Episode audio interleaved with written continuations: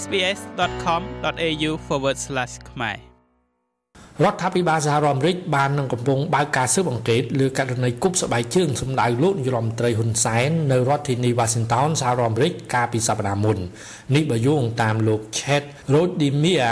អ្នកនាំពាក្យស្ថានទូតសហរដ្ឋអាមេរិកប្រចាំកម្ពុជាបានប្រាប់បណ្ដាញសារព័ត៌មាន Fresh News ដែលគ្រប់គ្រងរាជរដ្ឋាភិបាលកម្ពុជាកាលពីយប់ថ្ងៃទី19ខែឧសភាឆ្នាំ2022 ការបញ្ជាក់របស់អ្នកនាំពាក្យស្ថានទូតអាមេរិកប្រចាំកម្ពុជាយ៉ាងដូចនេះគឺបានធ្វើឡើងបន្ទាប់ពីលោករដ្ឋមន្ត្រីហ៊ុនសែននៅក្នុងពិធីជួបសំណេះសំណាលជាមួយក្រុមគ្រូពេទ្យស្ម័គ្រចិត្តយុវជនសម្ដេចតេជោនៅសាពិព័រជ្រោយចង្វាក្នុងរាជធានីភ្នំពេញកាលពីថ្ងៃទី17ខែឧសភា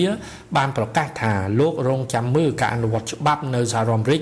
ចំពោះករណីគប់ស្បែកជើងនេះទោះបីជាលោកពុំបានទាមទារនឹងធ្វើកំណត់ទូតទៅកាន់រដ្ឋាភិបាលអាមេរិកដើម្បីឲ្យចាត់វិធានការលើជនបង្កក៏ដោយលោកយមត្រីហ៊ុនសែនបានចោទសួរទៅកាន់រដ្ឋាភិបាលសហរដ្ឋអាមេរិកថាករណីគប់ស្បែកជើងដោយមានការប៉ុនប៉ងគិតទុកជាមុនបែបនេះជាការបញ្ចេញមតិឬក៏ជាអំពើហិង្សា ដោយលោករដ្ឋមន្ត្រីបានបញ្ជាក់ថាប្រសិនបើប្រទេសបេដាប្រជាធិបតេយ្យសហរដ្ឋអាមេរិកមួយនេះចាត់ទុកថាករណីគប់ស្បែកជើងនោះជាសិទ្ធិបញ្ចេញមតិនោះអាចនឹងធ្វើឲ្យករណីបែបនេះកើតមានឡើងក្នុងប្រទេសនានានៅលើពិភពលោករាប់ទាំងនៅប្រទេសកម្ពុជាដូចគ្នាដែរសូមបញ្ជាក់ថាករណីគប់ស្បែកជើងទៅលើលោកនាយរដ្ឋមន្ត្រីហ៊ុនសែនបានបង្កឡើងដោយពលរដ្ឋខ្មែរអាមេរិកកាំងឈ្មោះអុកទូច ក្នុងពេលលោកនាយរដ្ឋមន្ត្រីកំពុងសម្ដែងសម្ដាននិងថតរូបជាមួយអ្នកគាំទ្រនៅរដ្ឋធានី Washington កាលពីយប់ថ្ងៃទី11ខែឧសភានៅមុនពេលកិច្ចប្រជុំកំពូលពិសេសសហរដ្ឋអាមេរិកអាស៊ានស្បែកជើងនោះមិនបានត្រូវចំលោកនាយរដ្ឋមន្ត្រីហ៊ុនសែននោះឡើយដោយហោះចំនឹងទូរស័ព្ទរបស់អ្នកគាំទ្រម្នាក់ដែលរៀបចំថតរូប selfie ជាមួយលោកនាយរដ្ឋមន្ត្រីហ៊ុនសែនបរិះឈ្មោះអុកទូតបានបញ្ជាក់ថា លោកមានបំណងគប់ស្បែកជើងទៅលើលោកនាយរដ្ឋមន្ត្រីគឺតាំងពីនៅទីក្រុងសេអ៊ូលប្រទេសកូរ៉េខាងត្បូងក៏ប៉ុន្តែកាលនោះលោកនាយរដ្ឋមន្ត្រីហ៊ុនសែនបានលុបចោលដំណើរទស្សនកិច្ចទៅកាន់ប្រទេសកូរ៉េខាងត្បូង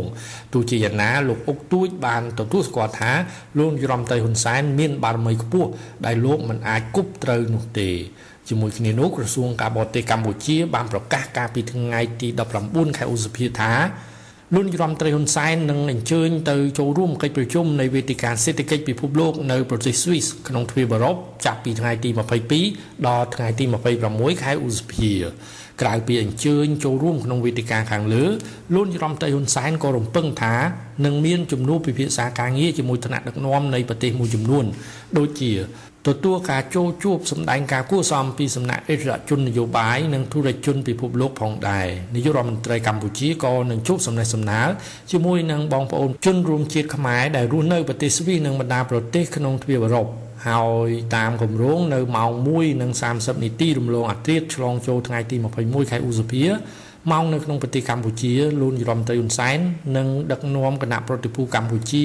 ចាក់ចេញពីភ្នំពេញដើម្បីទៅចូលរួមវេទិកាសេដ្ឋកិច្ចពិភពលោកនៅទីក្រុង Davos ប្រទេស Swiss